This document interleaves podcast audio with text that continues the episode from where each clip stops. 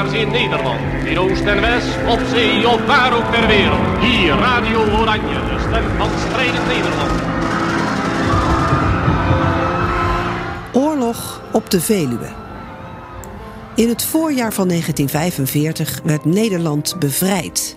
Na vijf jaar Duitse bezetting.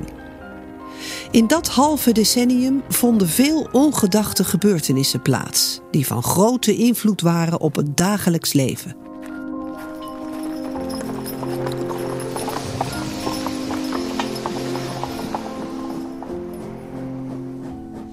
Deze podcastserie passeren bekende en onbekende verhalen de revue. Aflevering 5. Barneveld, Joodse Nederlanders en burgemeester Westrik.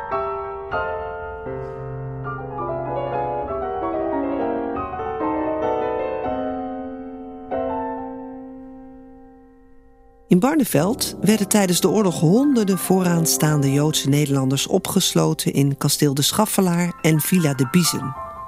Ze werden tijdens de oorlog gezien als een Joodse elite, een uitverkoren groep. Maar uiteindelijk moesten ook zij naar Duitse kampen vertrekken. Velen overleefden er de oorlog. Minder luxe hadden het de Joden die waren ondergedoken bij Barneveldse burgers. Van hen werden er vele opgepakt. Over de rol die de Barneveldse oorlogsburgemeester Westrik bij dit alles speelde, zijn de meningen verdeeld. Dat was al zo tijdens de oorlog, maar na de oorlog werd het alleen maar erger. In de zomer van 1943 wordt er in de buurt van Chartres in Frankrijk het slechts in pyjama geklede lijk gevonden van een man. Naast de treinrails. En dat blijkt het lichaam te zijn van de generaalcommissaris zur besonderen Verwendung, Schmid. Of hij zelfmoord heeft gepleegd, of is vermoord, of uit de trein is gevallen, niemand zal het ooit weten. Maar met de dood van Schmid was dus een van de belangrijkste beschermers was weg. En vanaf dat moment, ik geloof dat dat in juni 1943 is, begint Rauter uh, steeds meer uh, moeite te doen. Uh, haal die Joden daar weg in Barneveld. De wagens reden hier het terrein op en uit stapte, volgens mij was het Fischer, de bekende, een van de drie van Breda. Um, en die zei: U krijgt twee uur om in te pakken. U moet weg. Moet weg. Dat betrof een groep van zo'n 680 Joodse Nederlanders die gevangen zaten in Barneveld. In kasteel De Schaffelaar in een rij daarnaast gebouwde barakken en in een grote villa, De Biezen. Die gevangenis, want dat was het, leek eerst nog wel wat luxe. Maar dat veranderde al gauw. Het werd er voller en voller, totdat ook deze Joden dus moesten vertrekken. Naar Kampesterbork en verder. Na de oorlog werden deze zogenaamde Barneveld-Joden wel een uitverkoren volkje genoemd. De gemeente Barneveld telde daarnaast nog heel wat Joodse onderduikers. Ter nagedachtenis aan deze Barneveldse holocaustslachtoffers werd op 27 januari 2020 een monument onthuld. Katelijne Jongeling onderzocht daarvoor hoe het de Joodse inwoners eigenlijk is vergaan. Katelijne werkt bij het archief van de gemeente Barneveld. En ik spreek haar in kasteel De Schaffelaar, daar waar de Barneveld-Joden werden vastgehouden. Samen met lokaal historicus en oud gemeentearchivaris Gerjan Krebolder. Woonden er veel Joodse mensen in Barneveld voor de oorlog? Nee, die gemeenschap was al heel klein. Er is al ik weet niet precies wanneer het is geweest, maar uh, op een gegeven moment is de synagoge hier gesloten. Uh, omdat ze geen school meer konden houden. Ze konden dus niet tien volwassen mannen bij elkaar voor, hebben voor de dienst. Uh, dus gingen ze naar Nijkerk. En dat is al ruim voor de oorlog geweest. Ja, ruim. Ja. Sterker nog, al, al, in de 19e eeuw. In de 19e eeuw zelfs. Nou, ja. kan nagaan. Dus, dat, dus het was een kleine... Er woonden een paar Joden in Barneveld nog. Ja, ja. we hadden één gezin. De familie Zwelheim de Leeuw. Man en vrouw. En die zijn in Kootwijkerbroek ondergedoken. Een van de fanatieke uh, uh, plaatsen waar heel veel onderduikers zaten.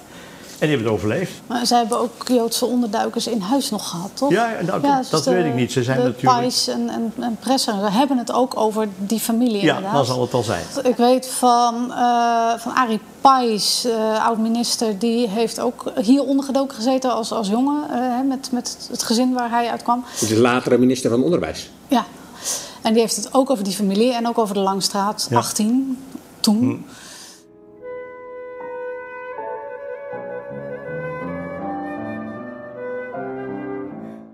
Joodse inwoners had de gemeente Barneveld dus nauwelijks voor en tijdens de oorlog. Joodse onderduikers des te meer. Tijdens de oorlog zijn er 27 opgepakt en naar Duitse kampen gedeporteerd. Zo klonk het na de bevrijding. Katelijne deed een beknopt onderzoek naar de aanwezigheid van Joden in het dorp. Ik heb in feite ja, de bevolkingsadministratie geraadpleegd. eh, van wie was bekend dat ze Joods waren en in de gemeente Barneveld woonden. Ehm, er zijn ook eh, wat mensen, familie Liechtenstein, familie Laurier, die ook ja, in 1940 eigenlijk deze kant op zijn gekomen vanuit het westen. eh, en zich toen hier gevestigd hebben. Ehm, en nou ja, daar verder gekeken van nou, hoe, hoe is het hen vergaan. En helaas niet goed. En die eh, man en vrouw Laurier die zijn samen ook weer in het verzet gegaan. Die zaten altijd in het verzet. Stroegharder, in die buurt zaten ze, hè, geloof ik. Ja, ik weet dat die, die oudste zoon van, van eh, die vrouw die had een zoon uit een eerlijk huwelijk. Eh, die zat in Kootwijk op school, toch? Ja, geloof ik Ja. ook. Ja, ja. Ze zijn eerst gewoon echt officieel hier komen Precies. wonen. Hè? Dus gewoon jij- in de ja. bevolkingsadministratie. Daar hebben we ook, ze zijn ook nog een keer geen verhuisd. onderduikers op dat moment En toen niet. waren het nog geen onderduikers. Dat is pas later gekomen. Want toen in, eh, wat was het, 43, dat er hier... Moet ik het even nakijken precies voor de datum. Maar dat er eh, vanuit de eh, bezetter inderdaad richting eh, de gemeente kwam van... jongens, we willen weten, zijn hier nog Joden? Ga, ga het na. En dat eh, een brief is teruggestuurd van... nou, we hebben geen mensen kunnen vinden toen zaten ze dus al ondergedoken. Want er staat in de bevolkingsadministratie, op die, die kaarten van die mensen, staat dan ook een aantekening, vertrokken onbekend waarheen. Of Centraal Bevolkingsregister. Met andere woorden, we hebben ze niet kunnen vinden op het adres waar ze staan ingeschreven. Wat is het belangrijkste wat, wat je nou uit je onderzoekje hebt gehaald? Even zo voor de vuist weg. Eh, dat de meeste mensen uiteindelijk gewoon opgepakt zijn en linea recta naar het oosten zijn gebracht. Dat, ja, kind van zeven tot eh, oudere mensen. Hele families, ja, zoals dat ging. Maar als je dat zo even voor je ziet, heel sec, zwart op wit geschreven. Datum X aangekomen in Westerbork, drie dagen later aangekomen Auschwitz en overleden. Ja, de trein deed er drie dagen over.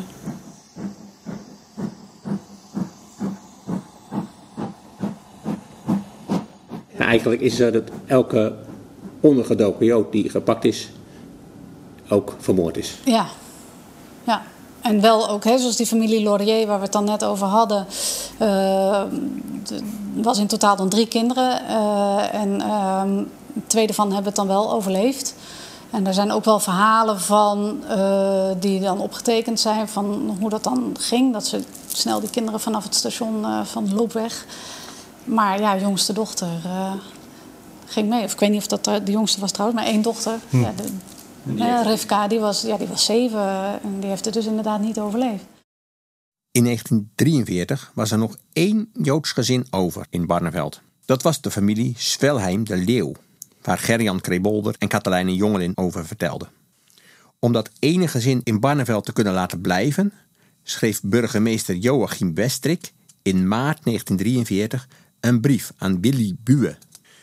Deze Willy Buwe werkte bij de Sicherheidsdienst, de SD, als criminale secretair. En om nog iets preciezer te zijn, hij werkte er als Judenzagbearbeider.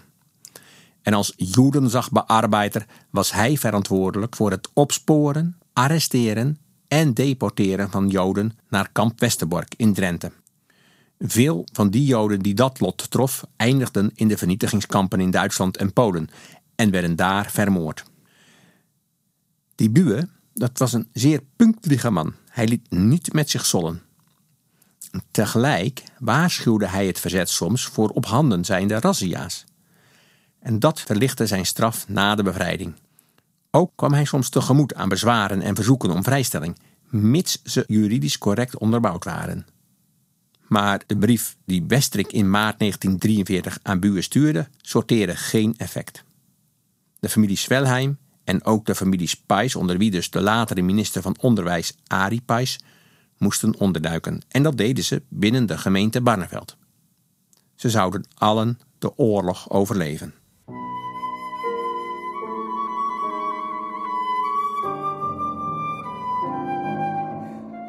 Ook de Joodse inwoners van Barneveld werden uiteindelijk dus onderduikers. Hun moeilijke positie stond in schril contrast tot die van de Barneveldgroep. Het uitverkoren volkje van Frederiks, zoals ze soms smalend werden genoemd. Over deze groep Joodse Nederlanders spreek ik met historicus Boris de Munnik. In 1992 schreef hij een boek over deze uitverkorenen. Daarvoor had hij 28 oud-Barnevelders gesproken. 13 mannen en 15 vrouwen. Inmiddels is zijn eigen onderzoek ook alweer geschiedenis. Ik ontmoet hem bij het monument ter nagedachtenis aan de Barneveldgroep. Dat staat naast kasteel de Schaffelaar. Boris, wij staan hier nou bij het monument van de Barneveldgroep. Ja. Wat staat er nou? In 1942 en 1943 hebben ruim 650 Joodse landgenoten de Barneveldgroep in de Schaffelaar en in het huis De Biezen gewoond. Geleefd in vrees, gehoopt er veilig te zijn. Zij werden op 29 september 1943 weggevoerd naar Westerbork. De meesten hunner hebben de kampen overleefd. En het is een monument van Ralf Prins, Ja. eh, de man van ook het Nationaal Monument Westerbork en lid van de Barneveldgroep.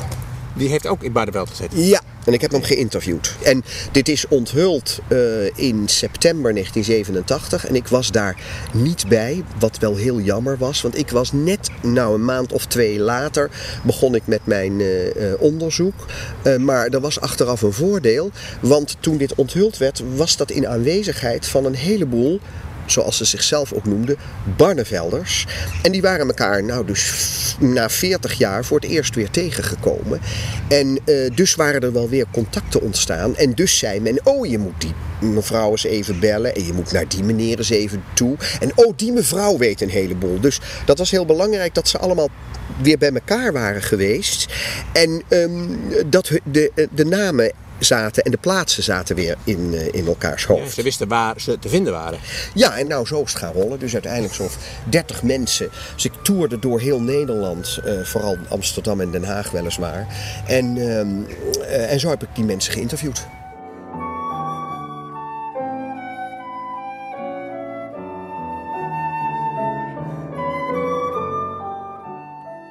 Het verhaal over de Barneveldjoden vertelt Boris mij bovenin kasteel de Schaffelaar. Het ziet er stukken mooier uit dan tijdens de oorlog. Het is dan ook voor miljoenen en miljoenen gerestaureerd door de gemeente Barneveld. Ik zie prachtige erkertjes, torentjes, kantelen, allemaal in oude glorie hersteld volgens het romantische ontwerp uit de 19e eeuw. Tegenwoordig fungeert het kasteel onder meer als evenementenlocatie en romantische trouwlocatie. Met Boris zit ik in een van de kamertjes helemaal bovenin. Het zullen wel de voormalige dienstbodekamers zijn geweest, bedenken we zo samen. En vanaf een klein balkon achter de kantelen hebben we een magnifiek uitzicht. Eerst ligt er het gazon, daarachter weilanden en verderop zien we het centrum van Barneveld. Boris, wij zitten hier helemaal bovenin de Schaffelaar, kasteel de Schaffelaar. Een prachtig uitzicht. En jij hebt hier in de jaren, eind jaren 80, toch heb je hier onderzoek gedaan naar de Barneveldgroep. En jij hebt ook mensen daarvan, die toen nog leefden, geïnterviewd. Ja. Ja. Maar goed is om eerst uit te leggen, wat was nou die Barneveldgroep en het zogenaamde plan Frederiks? Ja, of de lijst Frederiks. Eh Frederiks was een secretaris-generaal van Binnenlandse Zaken. Heel simpel, de oorlog breekt uit, de Duitsers vallen binnen, de ministers vluchten naar Londen. En Frederiks blijft als hoogste gezagsdrager over.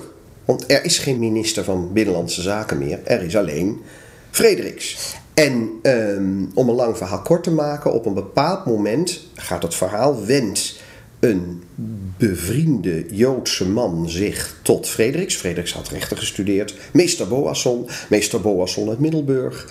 En die zegt, goh, kan jij iets voor mij doen? En Frederik, hij wendde zich tot Rauter, de scherpslijper in Nederland, NSS.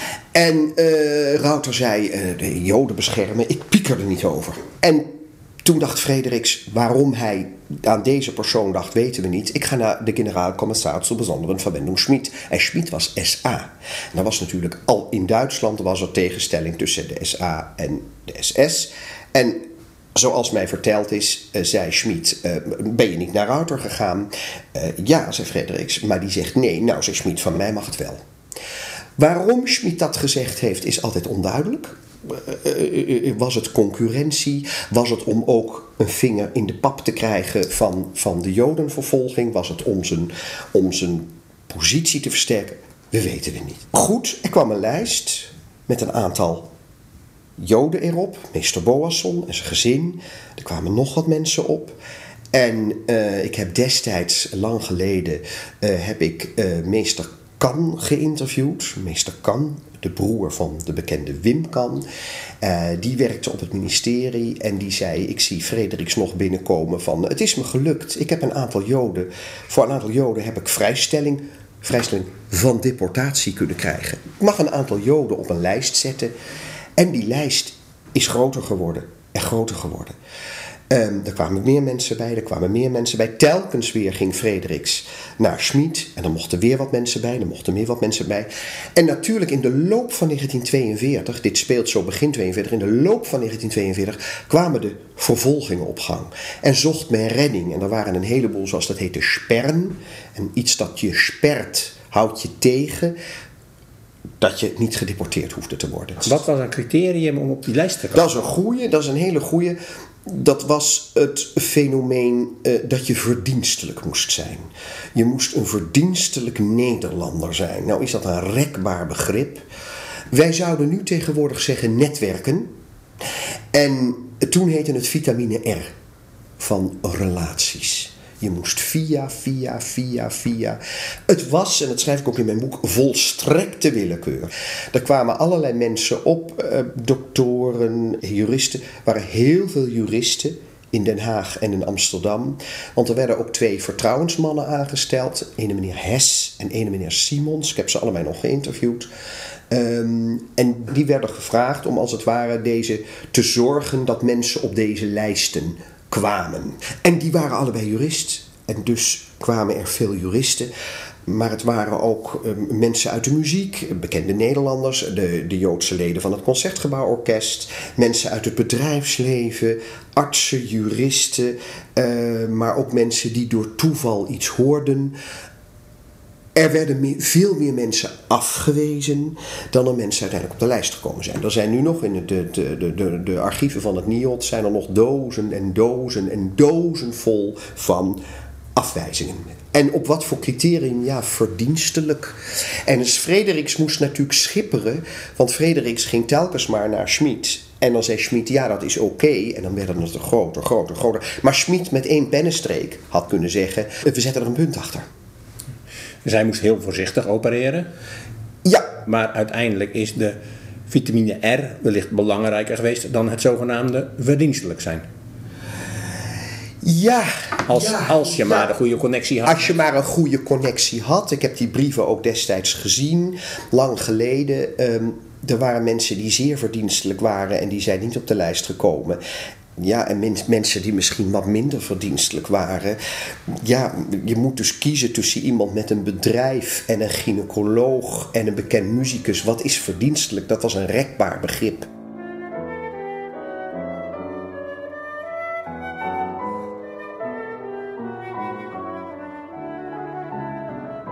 Het idee ontstond bij de Duitsers dat de geselecteerde Joden op de lijst Frederiks bij elkaar moesten worden gebracht. En daarvoor was een grote locatie nodig. Dat werd dus Kasteel de Schaffelaar. Het werd omgedoopt tot Joods tehuis. Dit kasteel waar we nu zijn is uh, geconfiskeerd door het ministerie. En in december 1942, eind 1942, krijgen meneer Hes en meneer Simons, de twee mannen in Amsterdam en Den Haag, krijgen dus het verzoek om te zorgen dat alle mensen op de lijst Frederiks binnen twee weken naar Barneveld Nou, dat was natuurlijk een onmogelijke opgave. En eigenlijk zijn in december 1942 kwamen in dit kasteel de eerste mensen. Maar tot aan september 1943 druppelden er steeds mensen hier het kasteel in. Uh, en uiteindelijk in september 1943 uh, zaten hier nou, zo, inderdaad zo'n 680 mensen op het kasteel. In barakken naast het kasteel. En er werd ook nog een villa, Villa de Biezen, die werd hier uh, geconfiskeerd. en daar zaten ook mensen. Een van de Barnevelders was dokter Gabriel Itali. Hij was een Joodse leraar klassieke talen aan het Haags Lyceum. Hij was 48 jaar toen hij in Barneveld arriveerde samen met zijn vrouw Roze. En ze kwamen terecht in Villa de Biezen. En daar kwamen ze aan op 28 februari 1943. En dokter Itali hield een uitgebreid dagboek bij, waarin hij zijn eerste indruk van het Joods tehuis weergaf. Het doet denken, sterk denken aan een grote jeugdherberg. De dames slapen op kamers, de heren in barakken. Voor echtparen heel ongezellig. Het huis is centraal verwarmd, in de barakken zijn kachels. Vandaag is het aantal bewoners van ons tehuis aanzienlijk uitgebreid door de komst van lotgenoten uit Amsterdam en elders. We zullen nu met plusminus 150 personen zijn. Het huis is propvol en het is erg roezig. Roezig. Dat zal verstaan moeten worden als druk of misschien zelfs wanordelijk. Maar orde werd al snel geschapen. De leiding van het Joodste huis nam daarvoor de nodige maatregelen in nauwe samenwerking met de bewoners. Beneden zagen we waren grote ruimtes. De eerste mensen die hier kwamen in december mochten ook hun eigen meubels meenemen. Dus het moet een mooi schouwspel geweest zijn. Je moet bedenken, het waren voor een deel toch wel ten eerste geassimileerde Joden vermogend, niet allemaal, maar mensen met een goede baan, uh, een mooi huis, soms personeel. En dan vertelden de mensen die ik destijds geïnterviewd uh, heb: van als je dan in het kasteel zat, dan behoorde je tot de chique. Je had dan niet chic was de barak en chic was uh, het kasteel. Um, uh, maar daar zaten natuurlijk mensen in die, die, die kwamen uit grote huizen en bovendien men was gevangen. Het was niet een vakantie, het was, men was gevangen, men, was, men werd, werd hier naartoe overgebracht. En er ontstond dus eigenlijk een hele interessante samenleving. Er moest een keukendienst opgezet worden, er werden lezingen gehouden. Uh, er zaten mensen met, met, met hele goede carrières. Professor Meijers van het Nieuw Burgerlijk Wetboek zat er. Entertainment, er werden concerten gegeven. Joodse leden van het Concertgebouworkest. Dus er ontstond een soort gemeenschap waren ook verliefdheden. Ik heb een mevrouw geïnterviewd, die werd hier verliefd. En die zei, ik vond het heerlijk. Het was zomer, zomer 1943. Veel mensen waren ook heel erg opgelucht dat ze uit de stad waren uit de vervolging. Er kon elke avond kon er een klop op de deur zijn. De razzia's. Je zat hier vrij, er werd voor je gezorgd. Er was een keukendienst, er werd gegeten. Er kwam voedsel, je hoefde niet uit. Er waren ook mensen die deze zo, de zomer van 1943 als een gelukkige tijd ervoeren. Maar er was ook, ja, alles was er, van onmin tot verliefdheden. Interessant is natuurlijk dat iemand heeft dus tegen mij gezegd: uh, veel mensen zaten niet hier omdat ze Joods waren, maar omdat hun vier grootouders Joods waren. Er waren mensen die niets met het Jodendom hadden. Um, er zaten hier ook mensen die wel iets met de Joodse religie hadden. En dat ging soms helemaal niet. Zet maar eens 680 mensen bij elkaar. Dat zijn mensen die het goed met elkaar kunnen vinden. Ruzies, oneenigheid. Um, en, en het criterium van de Duitsers was drie of vier Joodse grootouders.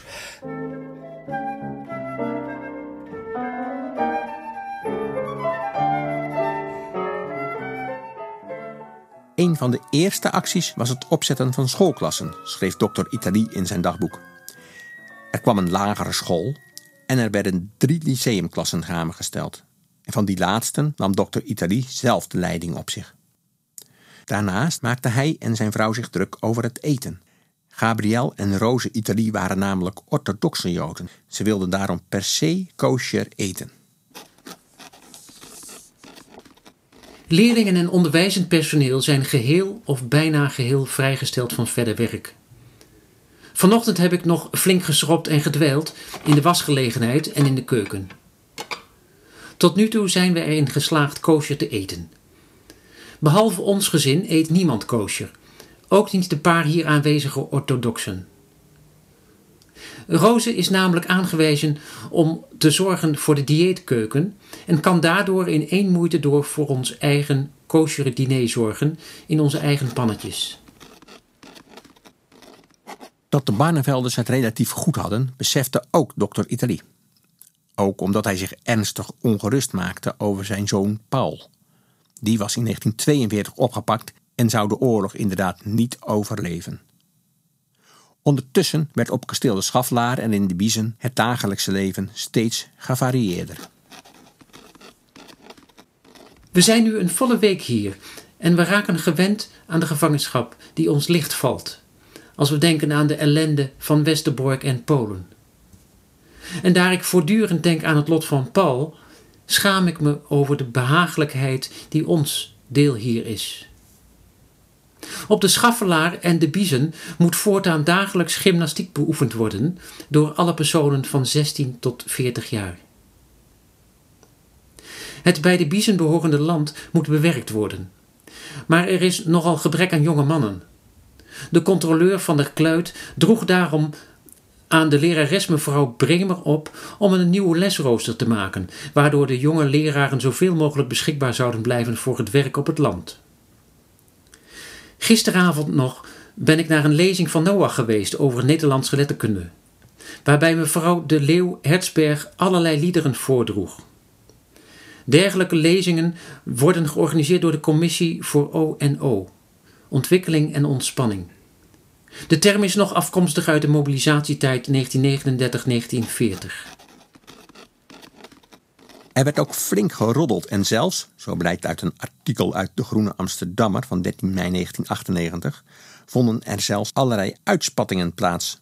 Jongeren verloren zich in verliefdheden en echtparen ruilden van partner, vertelde de destijds 13-jarige Debbie Klein. Er waren grammofoonconcerten. Dat was heerlijk. Er waren wedstrijden waarbij je moest raden wat er gespeeld werd. Er heerste een redelijk goede sfeer. De mensen zetten zelfs een beetje de bloemetjes buiten. Allerlei paren verwisselden van partner. Er was ook niet veel anders te doen. Het was echt een beetje een vrolijke boel. Ik had weliswaar niet het vriendje dat ik wilde hebben. Ik had een noodvriendje. De regels werden langzamerhand strenger. Dat was moeilijk voor mensen die toch in alle vrijheid hadden geleefd. Ze waren overduidelijk gevangenen.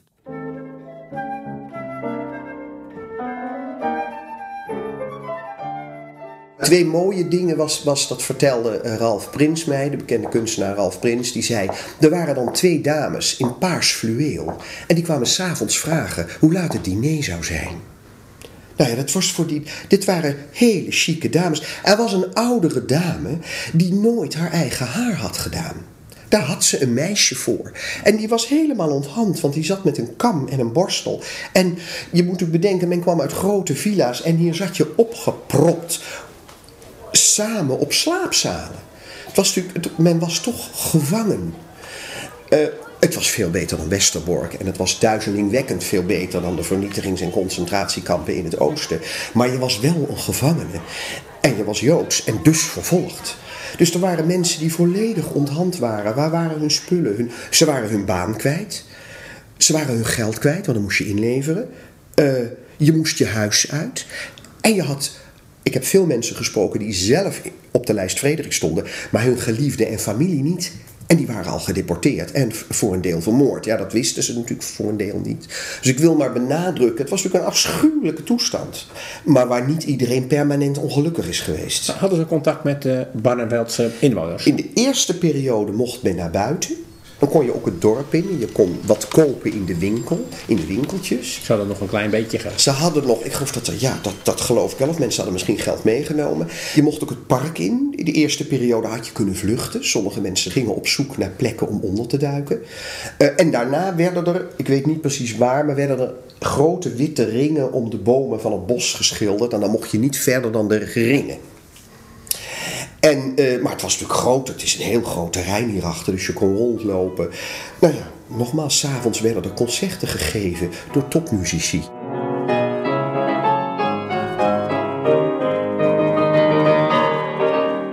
Je had lezingen, debatten, er was een school.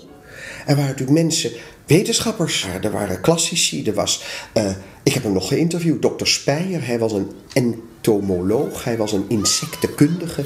Nou, dan trokken dus de kinderen met hem het park in, eh, en dan gingen ze insecten vangen.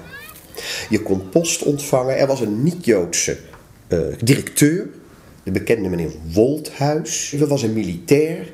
Een man met geen slechte bedoelingen, maar die probeerde dus deze mensen met een heleboel, eh, het orderboek is er nog, orders, in gareel te houden.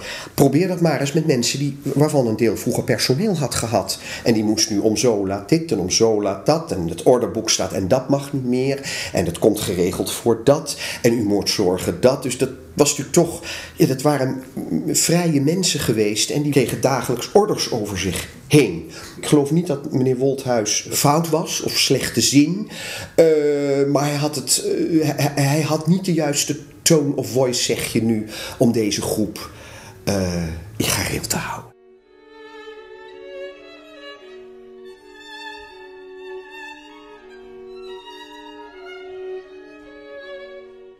Tot wanneer zijn de Barneveldse Joden hier gebleven? In de zomer van 1943 wordt er in de buurt van Chartres in Frankrijk het slechts in pyjama geklede lijk gevonden van een man. Naast de treinrails. En dat blijkt het lichaam te zijn van de generaalcommissaris zur besonderen Verwendung, Schmid. Of hij zelfmoord heeft gepleegd, of is vermoord, of uit de trein is gevallen, niemand zal het ooit weten. Maar met de dood van Schmid was dus een van de belangrijkste uh, bescherm, beschermers was weg. En vanaf dat moment, ik geloof dat dat in juni 1943 is, begint Rauter uh, steeds meer uh, moeite te doen. Haal die Joden daar weg in Barneveld. En op 29 september 1943, niet toevallig Joods nieuwjaar, dat zeiden vele bewoners hier helemaal niet, maar de Duitsers hadden altijd de usance om op een Joodse feestdag of iets wat voor Joden belangrijk is, uh, razzia's te houden of dat soort dingen. Men had geen idee, maar de wagens reden hier het terrein op en uh, uit uh, stapte, volgens mij was het Fischer, de bekende, een van de drie van Breda. Um, en die zei: U krijgt twee uur om in te pakken. U moet weg. Uh, een aantal mensen lukte het om in de chaos te ontsnappen. Ik heb een mevrouw geïnterviewd die, we hebben het over de barakken hier naast het kasteel, die heeft zich met haar man verstopt onder de vloer van de barak. En die is later het bos ingevlucht. Er kwam een enorme chaos, want men, kreeg twee uur om te pakken. Uh, men moest naar het station lopen uh, van Barneveld. En daar, vanuit daar is men uh, in treinen naar Westerbork gegaan. En toen stond het kasteel leeg. Het, was, het schijnt een gigantische chaos geweest te zijn. Er is gestolen nog. Er is, het was een, een wanorde. Dus ze hebben heel wat achter moeten laten natuurlijk. In twee uur moesten ze pakken en ja, precies. Meubels konden niet mee. Er moesten, ik herinner me nog één mevrouw, die had een avondjurk. En die zei van, ja, wat moet ik nou met die avondjurk? Die laat ik maar hangen, want die heb ik waarschijnlijk toch niet meer nodig. Volledig onverwacht gingen de Barnevelders dus toch nog op transport naar Westerbork, met achterlating van de meeste bezittingen. Dat het onverwacht was, blijkt ook duidelijk uit het dagboek van dokter Italie. Opeens tegen half twaalf verschenen er enige Duitsers. Met behulp van de marechaussees was het terrein omsingeld en alle bewoners moesten samenkomen voor het huis. Daar deelde een dikke Duitser mede dat we handbagage moesten inpakken, want dat we allemaal naar Westerbork moesten. In de chaos die ontstond, slaagden 22 Barnevelders erin te vluchten. De overigen vertrokken dus naar kamp Westerbork en uiteindelijk naar Theresienstad.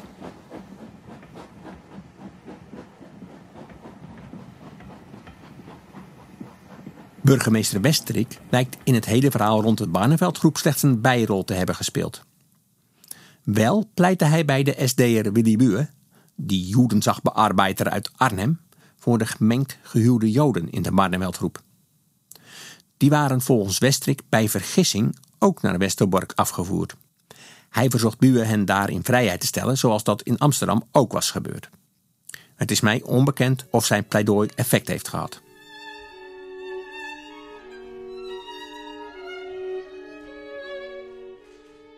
Over die Barneveldse oorlogsburgemeester Westrik valt nog wel wat meer te vertellen. Hij was tijdens en na de oorlog niet bepaald onomstreden. In oktober 1942 had hij zich namelijk bezig gehouden met de arrestatie van Joden in zijn gemeente. En, als het aan hem had gelegen, had hij dat niet alleen in zijn eigen gemeente gedaan. Westrik deed namelijk zijn Nijkerkse collega Bruin Slot in die tijd het aanbod om ook Joodse onderduikers in zijn gemeente te arresteren. Bruin Slot was geschokt over het voorstel van zijn collega, blijkt uit zijn oorlogsdagboek. Burgemeester Westerik, hoe is het mogelijk? Bezig met het oppakken van Joden die in zijn gemeente zijn ondergedoken. Hij heeft later gezegd dat de Joden te brutaal waren en zich zomaar in het openbaar vertoonden. Hij was bang dat zijn gemeente daar moeilijkheden mee zou krijgen. Hij had ze laten waarschuwen en deed daarna invallen in de onderduikadressen waar hij meerdere Joden aantrof. Hij belde mij op en zei dat er in de Prinsenkamp, tegen de grens van Barneveld, ook nog Joden in Nijkerk zaten. Of hij die ook maar zou oppakken. Ik zei hem dat ik mijn eigen pultjes wel kon doppen. Na de oorlog wenste de meerderheid van de Barneveldse bevolking de burgemeester niet terug. En dat gold vooral de voormalige illegaliteit. Hoewel sommigen het ook voor een opname, vertelt Gerjan Krebolder. Nou ja, een belangrijke rol ook in het uh, getuigen aan decharge kan je zeggen voor Westrik was natuurlijk die tandarts Lokker. De tandarts van Barneveld, een van de twee op dat moment denk ik. En die heeft er uh, ook voor gezorgd dat een aantal mensen, toen ze toen op een gegeven moment hier die lui opkwamen halen voor Westerbork, hè, toen heeft hij er een aantal heeft hij laten ontsnappen en laten onderduiken. Dat is een hele goede man geweest. Dus de reden dat hij dus daar destijds het voor Westrik opnam, geeft mij ook veel vertrouwen in het feit dat die man best wel deugde. Maar tandarts Lokker bevond zich blijkbaar in de minderheid. Want diverse voormalige verzetslieden verspreidden pamfletten in Barneveld met belastende getuigenissen. En zelfs klaagden ze Westerik aan bij het bijzonder gerechtshof in Arnhem. Toch kreeg hij geen veroordeling aan zijn broek. Oud-verzetstrijder Frans Goedhart, oprichter van de verzetskrant Het Parool, stelde daar vragen over in het parlement. Dat valt te lezen in de handelingen van de Tweede Kamer van 18 januari 1946. Op 17 december van het vorig jaar is het stakingsbevel tegen de burgemeester al daar ingetrokken. Er zijn echter door ernstige mensen goed gefundeerde klachten tegen hem ingediend, waaruit blijkt dat deze edelachtbare in de oorlogsjaren op Koninginnedag door de politie oranje bloemen voor de ramen der dorpelingen liet verwijderen. Waarbij hij opmerkte, u vergeeft mij het letterlijke citaat, dat mens komt toch niet terug.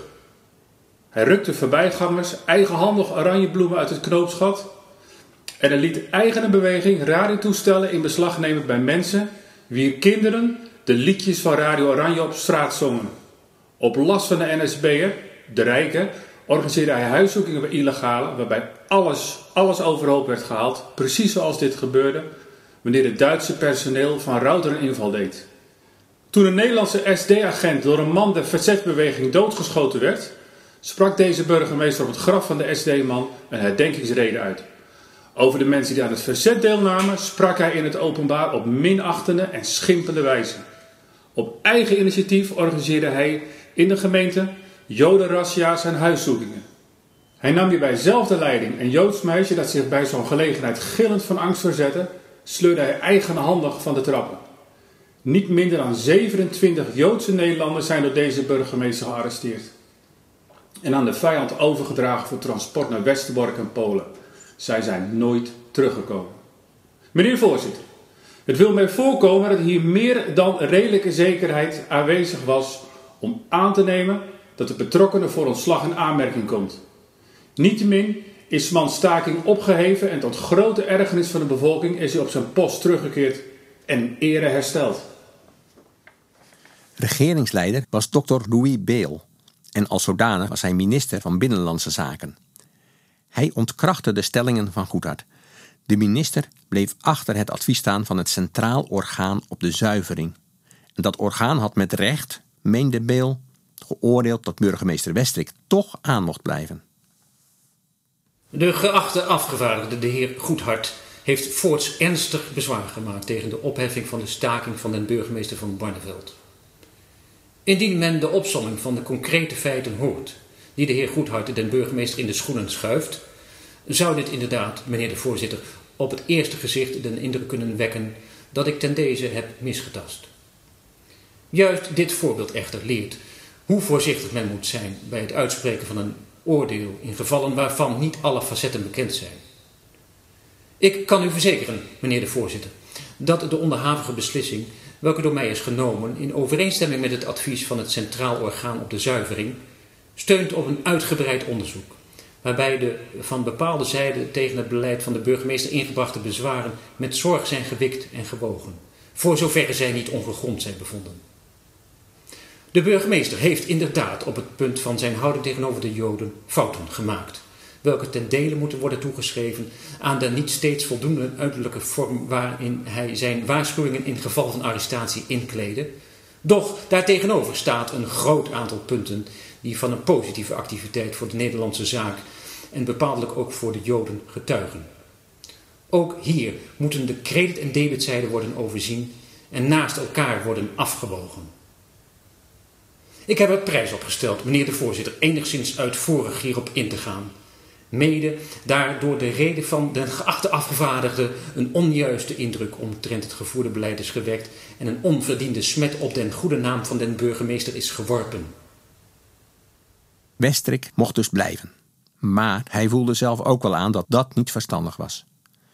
In 1946 vroeg en kreeg hij daarom op 56-jarige leeftijd eervol ontslag.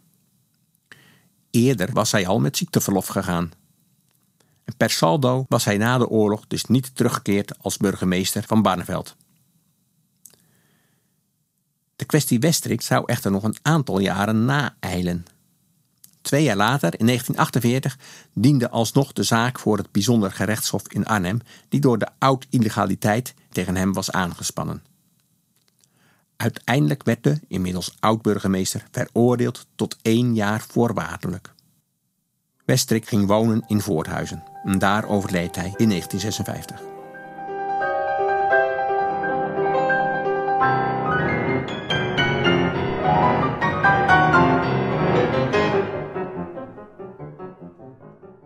Rond die tijd waren de meeste leden van de Barneveldgroep, de Barnevelders, weer teruggekeerd in Nederland. Na Westerbork waren ze verder getransporteerd.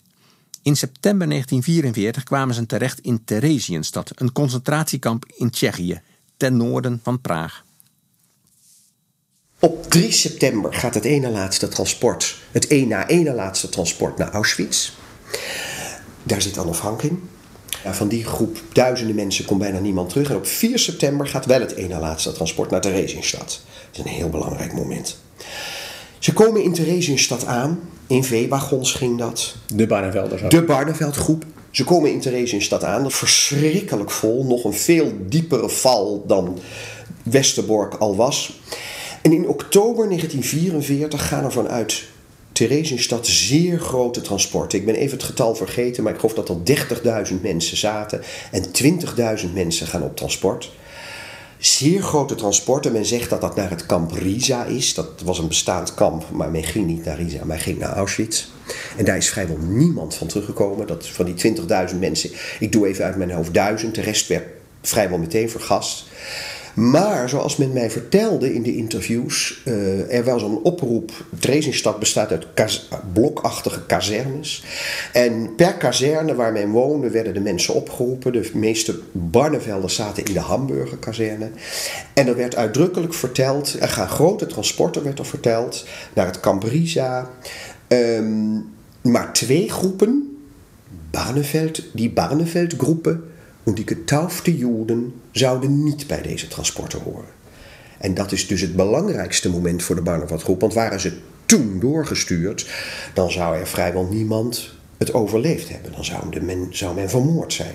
De vraag is natuurlijk waarom in Theresienstad deze groepen achterbleven. En dat is een heel interessant verhaal natuurlijk, want dit was het punt van redding.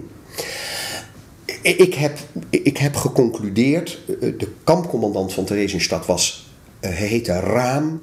Die had nooit van Barneveld gehoord. Gedoopt, wist hij misschien nog wat dat was. Hij moet vanaf hogerhand opdracht hebben gekregen om deze groep in Theresienstadt te houden.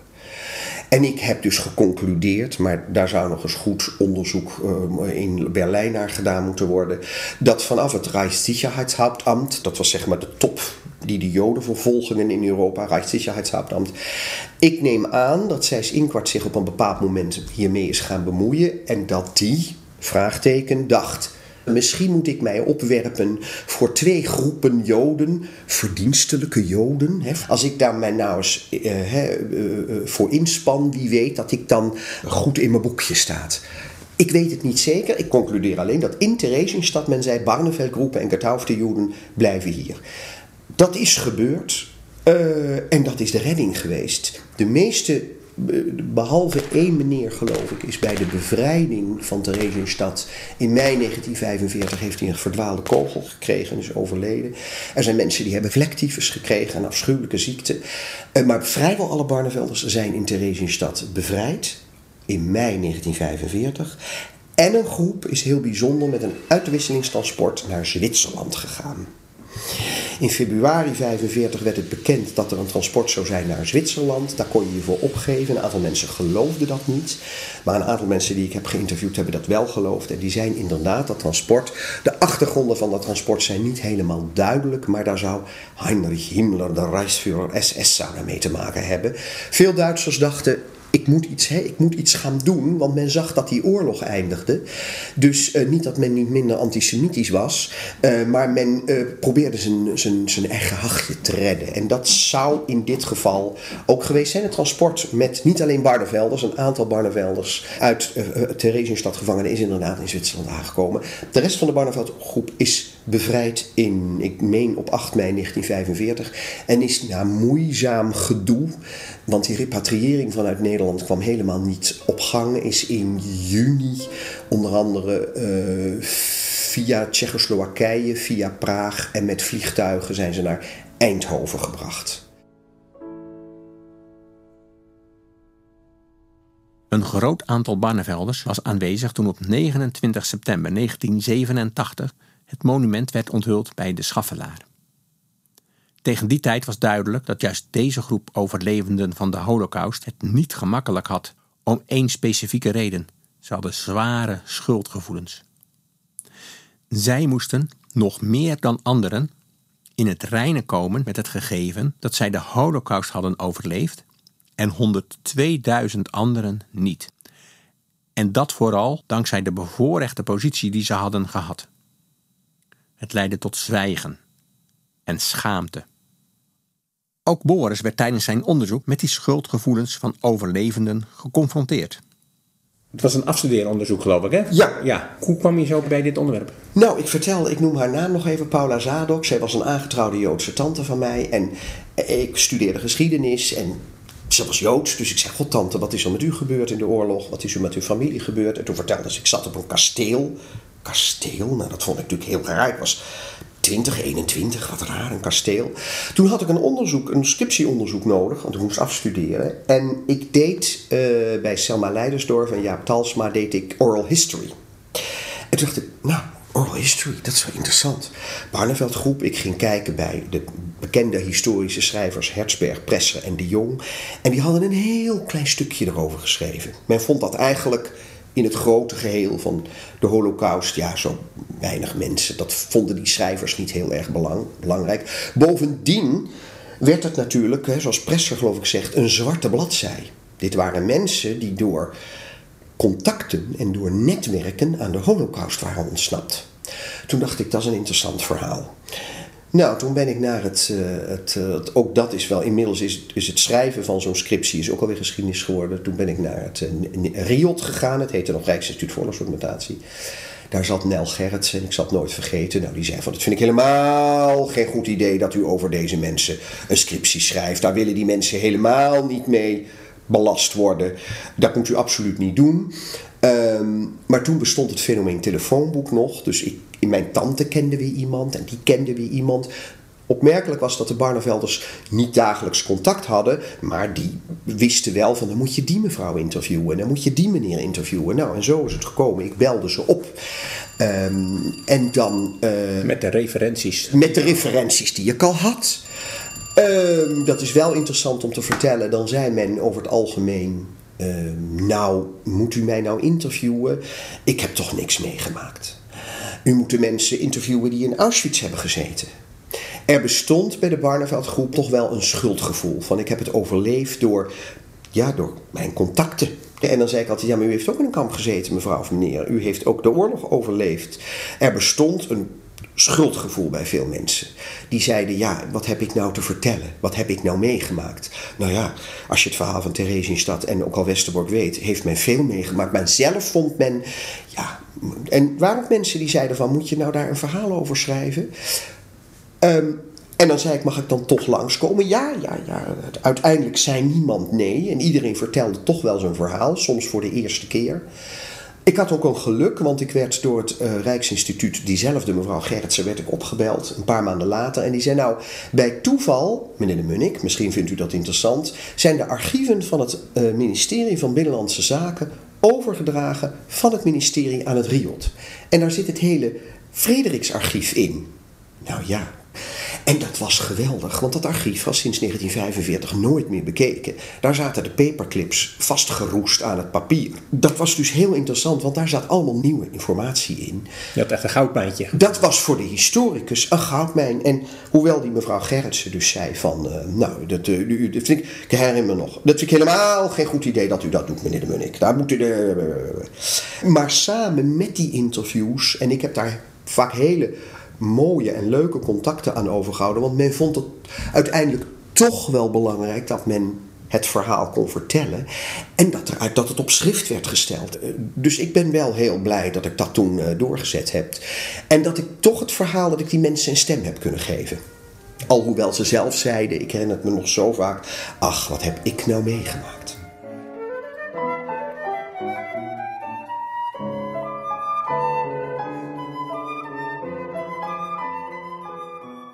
Wat heeft ehm, het meeste indruk gemaakt tijdens die interviews? Ja, dat is een goede vraag. Nou, dat je merkte hoe lang zo'n. Ik was toen jong, hè? ik was toen, drie, nou, wat was ik toen? Ja, 22, 23, 24. Hoe lang zo'n oorlog doorwerkte. Dat men dus zei: we hebben niets meegemaakt, maar dat het overduidelijk was dat men dat wel had meegemaakt. En er was niemand van die mensen die ik interviewde, waarvan geen familieleden, vrienden, kennissen vermoord waren. Ik had één ehm, meneer en mevrouw met, wie ik nog jaren bevriend ben geweest. Eh, zij was in de Barneveldgroep met haar twee broers en haar ouders. Maar haar man was Barneveldgroep, Lijst Frederiks, omdat hij met haar trouwde omdat hij met haar trouwde. Hij, zijn familie had geen connecties, vitamine R. Hij trouwde met haar en kwam op de Barneveldlijst. Maar zijn ouders en zus zijn vermoord.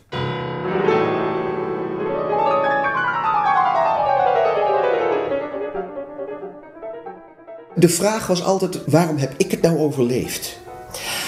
Als je naar Auschwitz ging, of naar Bergen-Belsen, of naar eh, eh, eh, naar andere vernietigingskampen, concentratiekampen, had je, kon je altijd nog zeggen, nou ik heb het overleefd om, ook door toeval, of door of, of, of dat ik net iets meer te eten had, of door...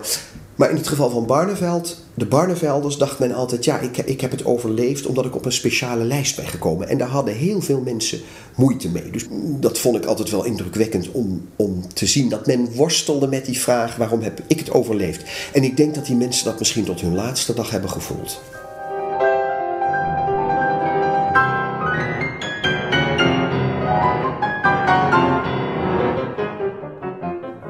Mevrouw Betty Veldmans benoemde dat in 1998 bijvoorbeeld in het al eerder genoemde artikel in de Groene Amsterdammer. Mevrouw Veldmans was toen inmiddels de 70 gepasseerd, maar ten tijde van haar verblijf in Barneveld was Betty 18 jaar oud. In de zomer van 1945, toen de omvang van de ramp werkelijk tot me doordrong, was ik het liefst dood geweest. Daar hoorde ik. Dat was mijn kring. Het is heel moeilijk geweest om weer te leven. En ik leid nog altijd aan de schuldgevoelens van het overleven. Puur het feit dat je leeft. Dat je tot die paar duizend mensen behoort die het overleefd hebben. Het is belachelijk, dat weet ik.